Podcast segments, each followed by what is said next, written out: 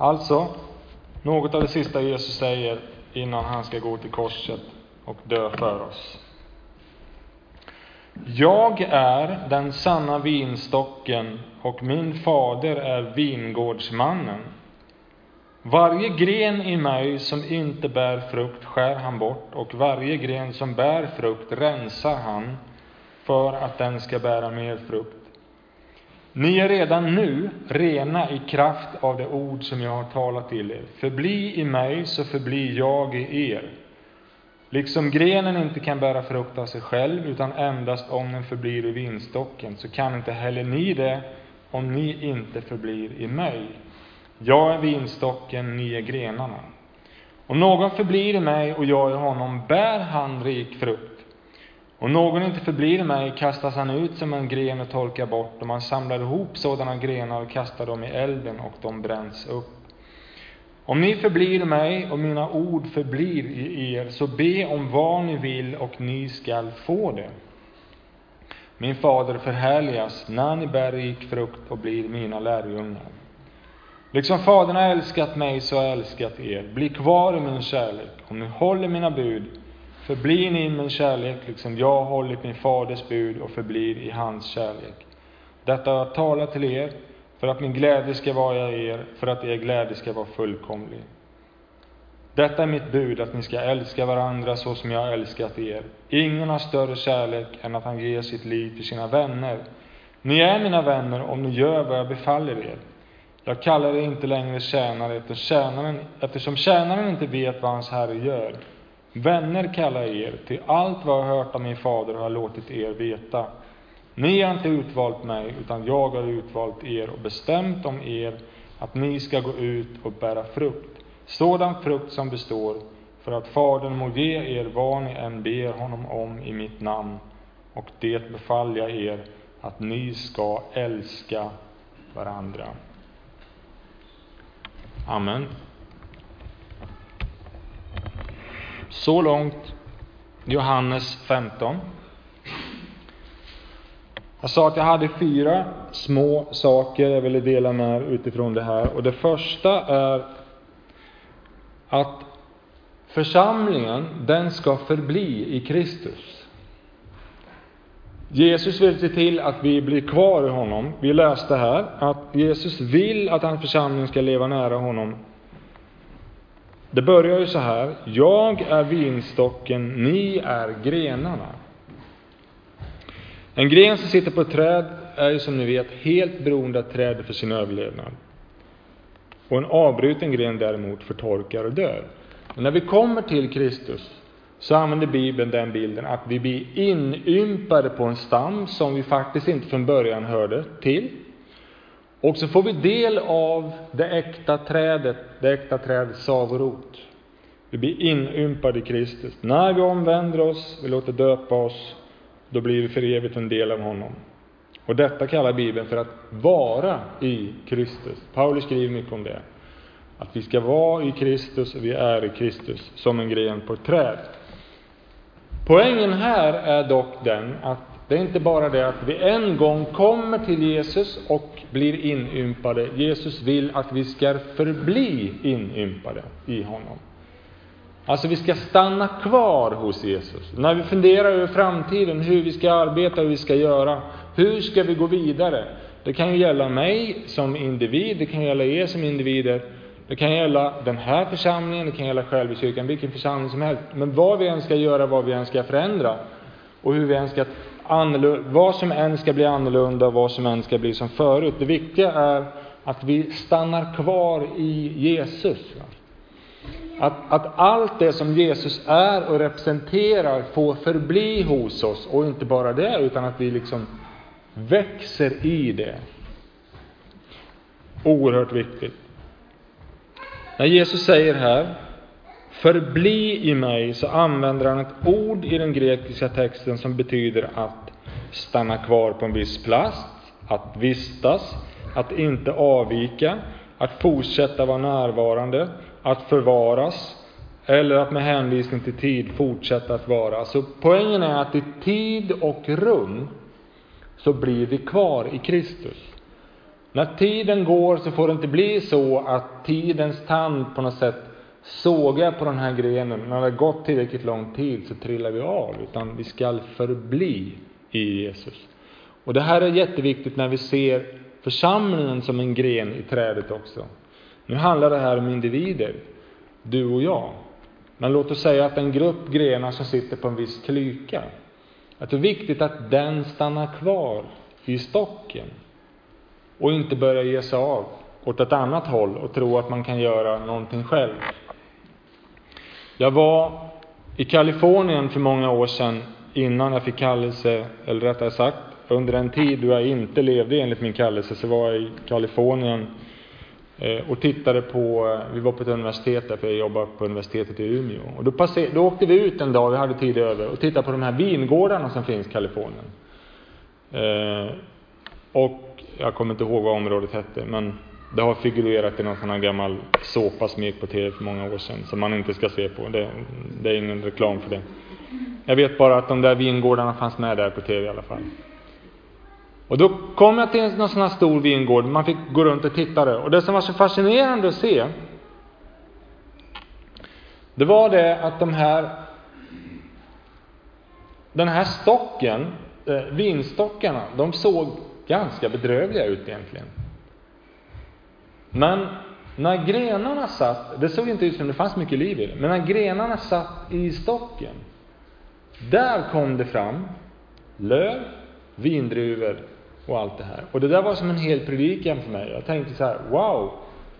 När en människa inte är Jesus, va, då kan det inte bli någon frukt. Va? Men när jag är planterad i Jesus, när en församling är djupt rotad in i Jesus Kristus, hur dött och tråkigt det än ser ut, så kommer ändå livet att liksom pulsera ut i de där grenarna och det blir frukt i slutändan. Men man förstod ju också det att skär man av en av de där grenarna och lägger vid sidan av, va? då blir det liksom inget mer av det. Det förtorkas och dör. Paulus skriver så här, ni har lärt känna Herren Jesus Kristus.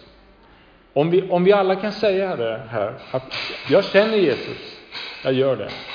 Då säger Paulus här, lev då i honom, med rot och grund i honom, allt fastare i den tron ni har undervisats i, och låt er tacksamhet överflöda. När vi blir inympade så ska vi fördjupas i relationen med Jesus som individer och som församlingar hela tiden. Så därför ska vi förbli i den tro på Kristus vi en gång har tagit emot. När vi funderar på hur Skälbykyrkan ska arbeta i framtiden så får det aldrig bli så att vi börjar fundera på hur vi ska bli av med den där Jesus. Ibland kan det kännas som att Jesus är i vägen, men det är han inte. Han är vägen. Men det kan bli så ibland för oss att vi frestas att tänka de tankarna, att vi ska göra oss av med, med Jesus. Det är jätteviktigt att vi inte gör det. Och så ska vi växa i den tro som vi en gång har tagit emot i nåd och sanning. Petrus skriver, väx till i nåd och kunskap om vår Herre och Frälsare Jesus Kristus. Man brukar prata om visioner i församlingen, det är viktigt att ha en vision. Jag har ingenting emot att vi upplever att Gud ger oss tilltal som visar oss, nu ska ni jobba så här i Runtuna, eller nu ska ni göra så här i Jönåker, eller nu ska ni lägga ner det här, eller nu ska ni göra så. Det har jag ingenting emot.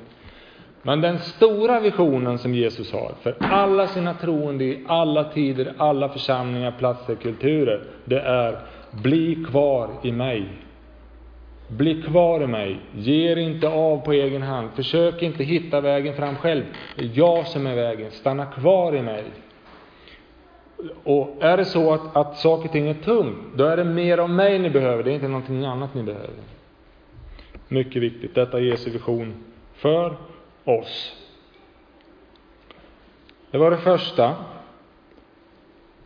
Så Jesus vill att vi blir kvar i honom. Sen talar han om det andra här, att församlingen tillsammans ska bli kvar i hans ord.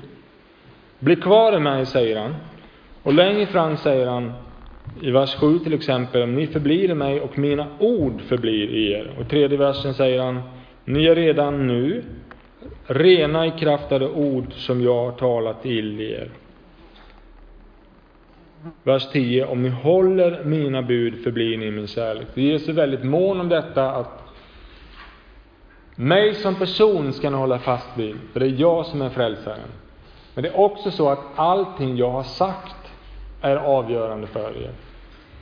Det här är egentligen två sidor av samma mynt.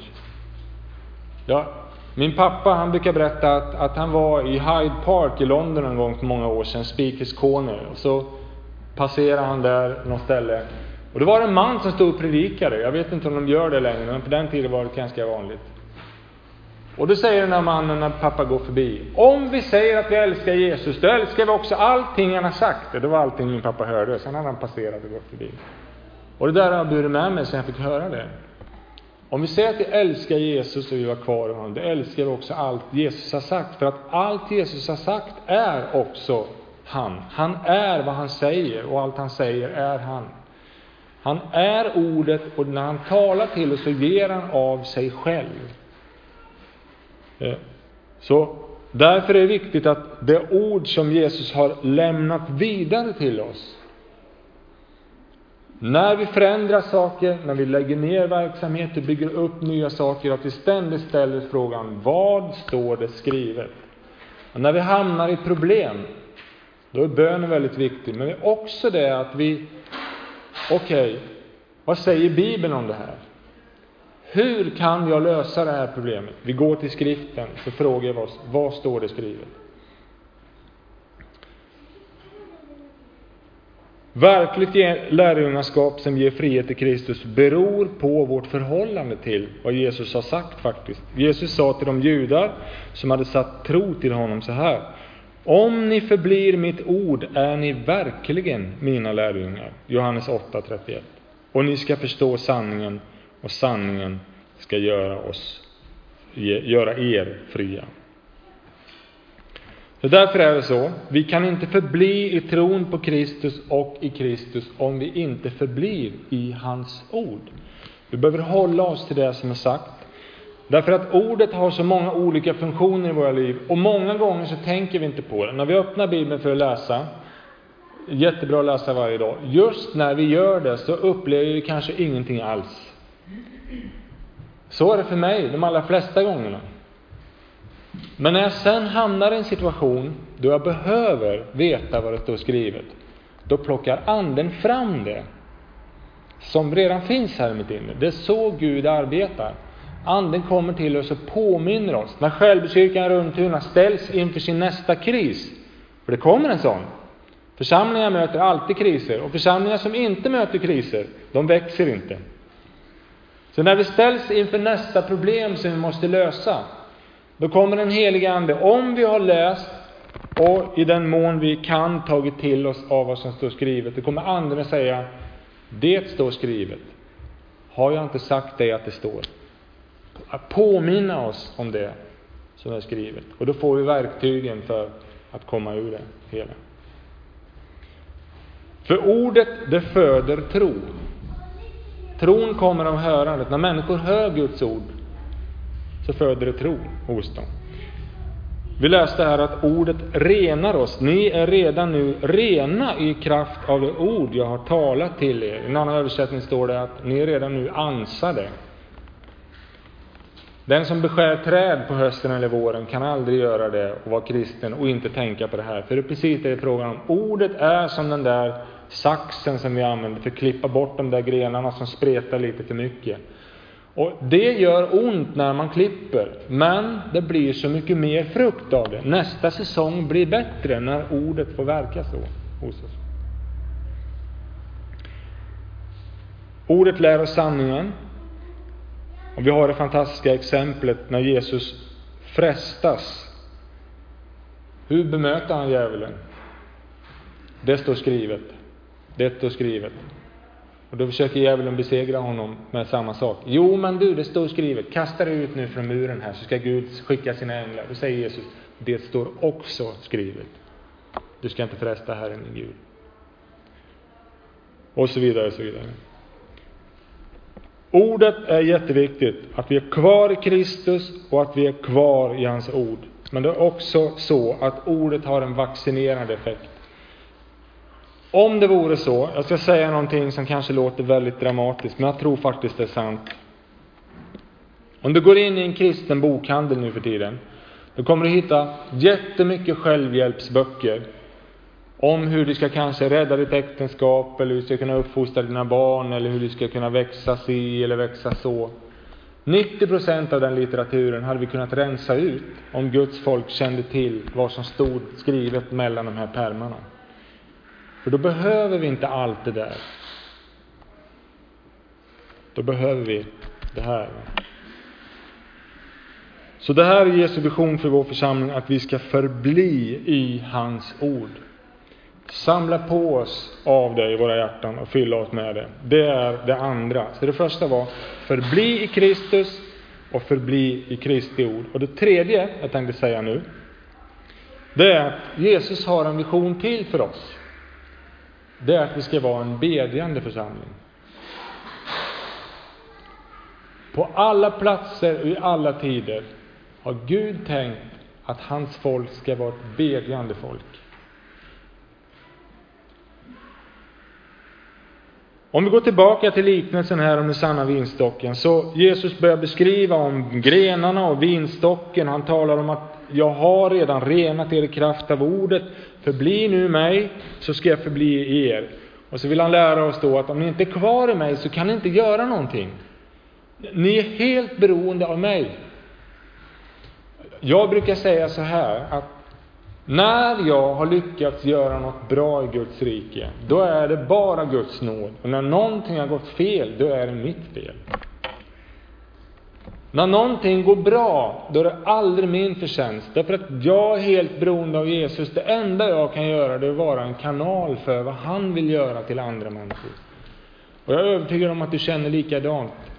Varenda gång du fått göra eller säga någonting som har blivit till välsignelse för en annan människa. Jag tror att du känner alltid efteråt. Tänk att jag fick vara till den välsignelsen. Tack gode Gud, det är du som ska ha äran. Jag har, inte, jag har ingenting med det här att göra. Visst, jag fick nåd att öppna mig. Så att vi är beroende av honom. Jag är vinstocken i grenarna, så börjar han tala om att om vi inte förblir i honom, då kastas han ut som en gren och torkar bort. De samlar ihop sådana grenar, kastar dem i elden och bränns upp. Väldigt allvarliga ord, men stannar inte där. Sen vänder Jesus på det. Och så säger han helt plötsligt, om nu det här är sant, om ni förblir mig och mina ord förblir i er, så be. När vi är kvar i Jesus, håller oss till hans ord, då vill Jesus, när de två sakerna funkar, och vi är i det så att säga, då vill Jesus, då kan ni be.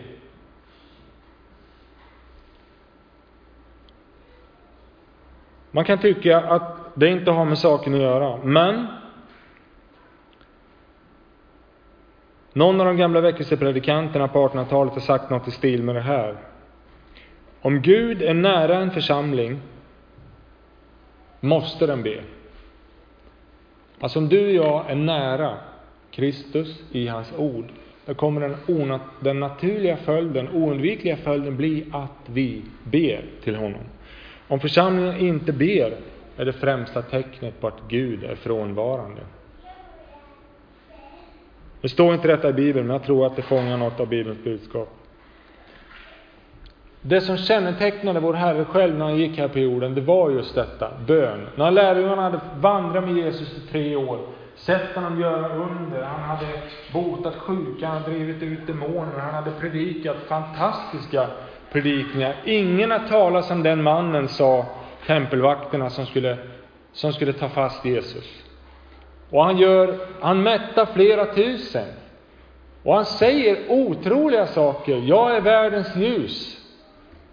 Och han talar, han sänder ut dem att göra olika saker. Och när de har vandrat med honom den här tiden. Ibland så brukar jag komma till Gud och så brukar jag be om hjälp. Jag vet inte vad jag ska säga på söndag, säger Jesus. Men det sa aldrig lärjungarna. Herre, lär oss att be. De sa aldrig lär oss förkunna, lär oss predika eller lär oss att vittna. De sa aldrig lär oss att driva ut demoner. De sa aldrig lär oss att göra under, lär oss att bota sjuka. De sa aldrig det de sa, lär oss att be, Herre, liksom Johannes lärde sina lärjungar. Och då säger Jesus, så skall ni be. Och så talar han om alla de välsignelser och skatter som finns i bönens makt. Så när du och jag är kvar i Kristus och vi är i hans ord och vi växer i detta, då öppnas den här fantastiska bönens värld. Där du och jag kan få vara med och be igenom olika saker. Vi kommer in på det alldeles strax här. Allt Jesus gjorde och sa bars upp av hans böneliv. Han gick upp tidigt på morgonen, gick undan. Han bad hela natten innan han avskilde sina lärjungar. Vad var det allra sista Jesus gjorde på jorden? När han hänger på korset så säger han Fader förlåt dem, de vet inte vad de gör. Och så ber han och citerar skriften Herre, i dina händer överlämnar jag min ande. Allting Jesus gjorde var präglat av detta. Han kallar oss att leva på samma sätt. Och därför ser vi, när vi kommer in då i Apostlagärningarna, hur den första kristna församlingen såg ut. Så ser vi det. Bön överallt. När de förföljas så ber de. När det går bra så ber de. När de får problem i församlingen så ber de. När Petrus sitter i fängelse så ber de. När de ska skiljas åt så böjer de knä på stranden och så ber de. Överallt så bad man därför man förstod vi är helt beroende av Jesus. Vi är grenar i trädet. Vi kan ingenting göra. Vi kan inte frälsa någon. Vi vet inte vilket ställe vi ska gå till sen och förkunna. Vi har ingen aning. Den enda som vet det är Gud. Hur ska vi kunna ta reda på det? Vi måste fråga honom. Vi måste be. Vi måste vända oss till honom.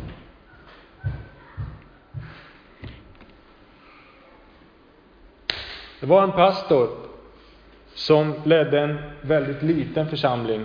I USA var detta, på 70-talet. Och det var en församling med många, många, många problem, ganska få medlemmar. Och så blev han svårt sjuk. Så han blev så sjuk så han var tvungen att resa bort. Han eh, reste ner till Florida eh, belånade lånade pengar av sina svärföräldrar. Och så åker han ut med en båt och så sitter han där och fiskar. Och så ber han i sitt hjärta, Herre, han hade inte gått någon bibelskola, berättade han när jag hörde det här. Han hade ingen utbildning, han visste inte hur man skulle göra. Han tyckte själv att hans, hans predikningar var så dåliga att han själv somnade under mötena när han predikade. Inte bara medlemmarna. Alltså allting var på botten. Men han sitter där och fiskar, är ensam. Det finns lite andra människor där också, han bryr sig inte om dem. Då upplever han att Gud säger så här. Om du och din fru leder mitt folk i att åkalla mig, då ska jag ta hand om varenda predikan du ska ha. Han var väldigt osäker hur han skulle förkunna. De hade ont om pengar och då säger Gud, jag ska förse dig med allt du behöver. Och du kommer aldrig att ha en lokal som är stor nog för att rymma alla dem som jag ska sända som svar på bön. Men hörde ni här? Om du och din fru leder min folk att åkalla mig, då ska allt detta ske. Och det är precis samma sak med Jesus här. Om ni förblir i mig och mina ord förblir i er, så be om vad ni vill och ni ska få det. Han kommer hem. Han berättar för församlingen en söndag förmiddag strax efter att han kommit hem. Han har blivit bättre, eh, hostan hade upphört. Och så berättar han precis som han har varit med om på båten. Och just den söndagen så sitter en okänd man längst ner i kyrkan, som han aldrig har sett förut. En pastor från Australien. Och det var ganska ovanligt, så han sa, eh, broder där nere kanske vill säga någonting i slutet på mötet. Och det gjorde han, så han gick upp. Och så sa den här pastorn så här. Lyssna till mig, jag hörde vad er pastor sa om bön. Och så säger han så här, jag citerar. Man kan se hur populär en kyrka är på hur många som kommer på söndag förmiddag. Man kan se hur populär pastorn är i den kyrkan. Det, det ser man på hur många som kommer på kvällsmöte på söndagarna. Man kan se hur populär Jesus är på hur många som kommer på bönemötet. Fundera på det. Och så gick han ner, och gick ut och kom aldrig tillbaka. Och från den dagen så har de aldrig träffats igen. Sug på den karamellen, det är ganska intressant. Jesus knyter alla sina välsignelser till att förblir honom, förblir hans ord. Och när vi gör det, då kan vi be om vad vi vill. Och då ska vi få det. Det är min fjärde och sista punkt. En församling som ger bönesvar. För det är egentligen det som Jesus är ute efter. Och jag tar det nu också när vi ändå har tid här. Jesus ger oss villkor för bönesvar och inte faktiskt på bara vissa böner utan alla böner. Om, säger han, så be om vad ni vill och ni ska få det. Vi vill se självkyrkan växa, eller hur? Vi vill se människor komma till tro. Vi vill se människor som mår hemskt dåligt runt omkring Runtuna, att de ska få hjälp. Vi skulle vilja att Själbykyrkan blir en positiv kraft i bygden. Och även om människor inte delar vår tro, så vill vi gärna att de ska känna respekt för det vi gör.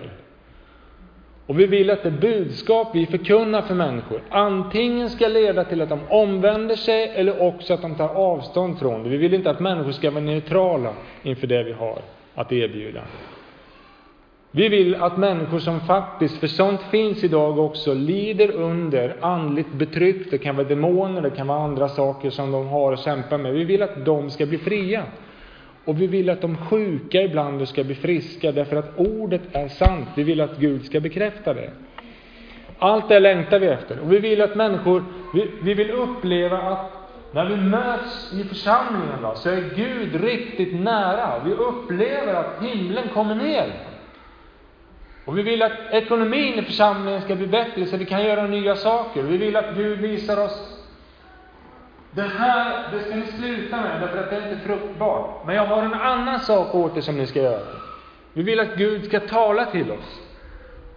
Och när vi möts på söndag förmiddag, då vill vi inte bara att pastorn ska stå där framme och mässa, utan vi vill att medlemmarna här nere ska vara med. Och de ska lovprisa Gud och lovsjunga, att de ska profetera och bära fram tungotal och uttyda. Vi vill se alla de här sakerna, vi längtar efter det. Och nu säger Jesus, om ni förblir i mig och mina ord förblir i er, så be om vad ni vill och ni ska få det. Jesus lovar här att om vi ber, det, det finns andra bibelställen som säger, om vi ber om något efter hans vilja, då hör han oss. Men allt det här jag har nämnt nu, det är sånt som ingår i faktiskt vad Gud vill. Gud vill alltid förnya sitt folk och sitt verk och göra någonting nytt. Och röra vid människor och låta sitt verk växa till och ge av sina nådegåvor och frälsa människor, befria människor och välsigna församlingen. Därför att det får han äran, han vill alltid göra det. Och Jesus visar oss en väg här. Ni kan få allt det där. Allt det där kan bli ert. Inte bara någonting av det, utan allting kan bli ert.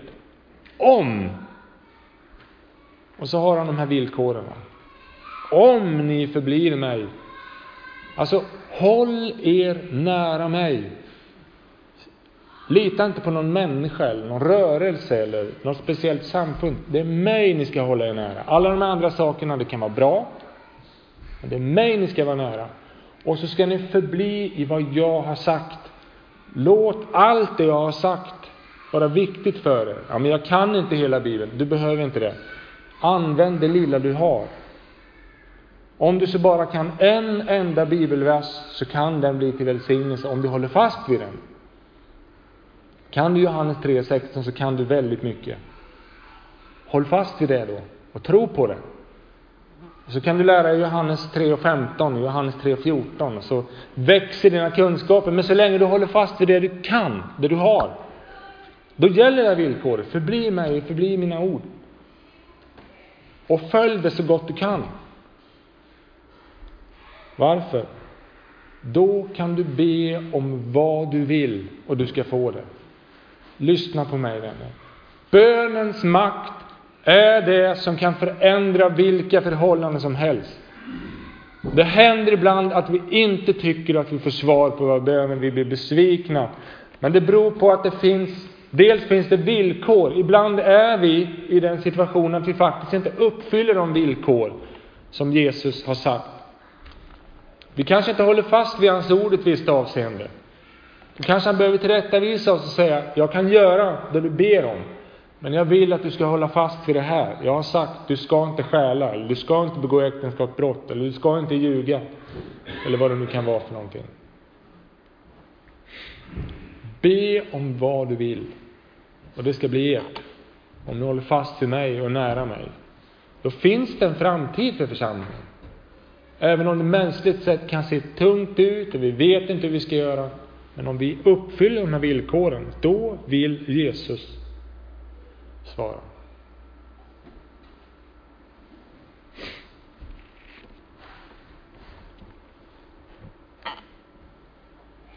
Varför har Gud valt att arbeta på det här sättet?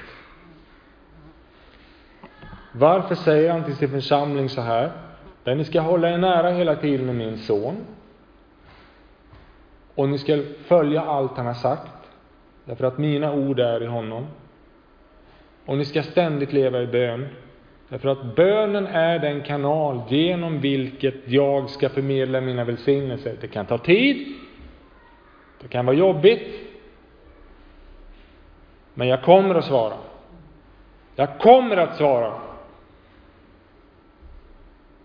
George Müller, som byggde en massor av barnhem i England på 1800-talet, var en bönens man. Det finns otroliga berättelser om honom. Och den som har fascinerat mig mest, det var att han bad om frälsning för två personer i 60 års tid. 60 år, hela sitt liv höll han på. Han bad Gud att frälsa de här två själarna. Den ena av dem blev frälst en månad innan George dog. Den andra en månad efter att George hade dött.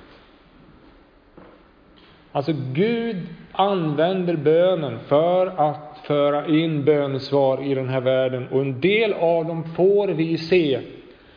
Andra ser vi inte direkt och det kan ta tid och vi kanske aldrig får se dem, men vi har ändå fått dem. Det är redan givet.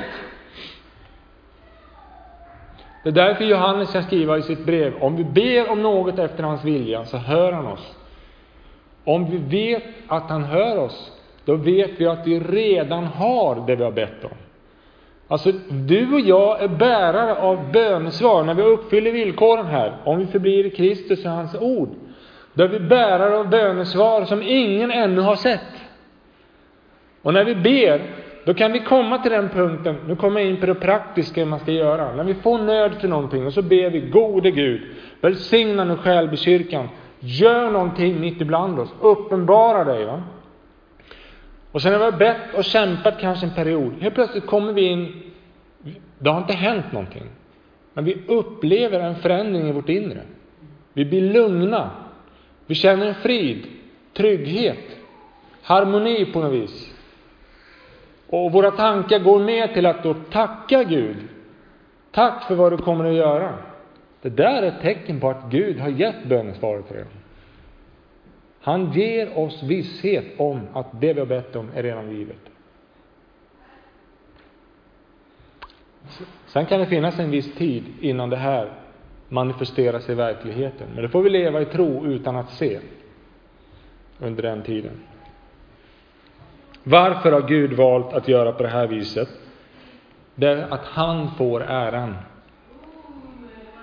När Gud gör det här mitt ibland oss, vi får uppleva det, då Johan och jag, ingen av er, vi, ingen av oss kan ställa oss upp och säga att det här har med oss att göra. Det är Gud som har gjort någonting. En annan pastor som jag hörde, han kom till en ny församling. Och det första som hände, det var att han var svårt sjuk. Han var så sjuk så han kunde inte tjäna, så han blev liggande hemma bara. Medan han var borta därifrån, då bröt väckelsen ut i församlingen. Och då lärde han sig en sak. Gud är aldrig beroende av någon av oss. Han gör saker och ting på sitt eget sätt.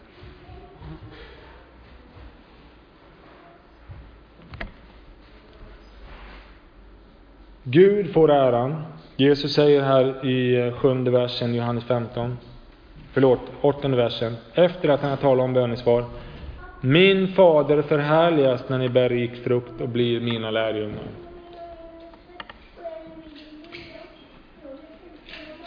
Och Gud har också valt det här sättet att verka. Jag är vinstocken, ni är grenarna. Om någon förblir i mig och jag i honom bär han rik frukt. Utan mig kan ni ingenting göra. Vi lär oss att det verkligen är sant. Därför har Gud valt Kristus, Ordet och bönen som kanaler för sina välsignelser. Det här är Jesu vision för vår församling. Sen kan det se lite olika ut på olika platser, hur vi praktiserar det här. Men det här är grunden, vad det är att vara en församling. Vi har blivit um-, inympade i Kristus, vi tillhör honom. Han är vår Herre. Vi samlas kring vad han har sagt. Vi ärar och upphöjer och lovar honom, så försöker vi förstå vad han vill med våra liv. Och så försöker vi praktisera det så gott vi kan. Och när vi misslyckas, då är nåden där och lyfter oss upp. Men så länge vår strävan är detta, jag vill hålla mig nära Jesus, jag vill förstå vad han vill med mitt liv, jag vill följa det. Då gäller det här, jag kan be om vad som helst och det kommer bli mitt. Och församlingen kan be om vad som helst och det kommer bli vårt.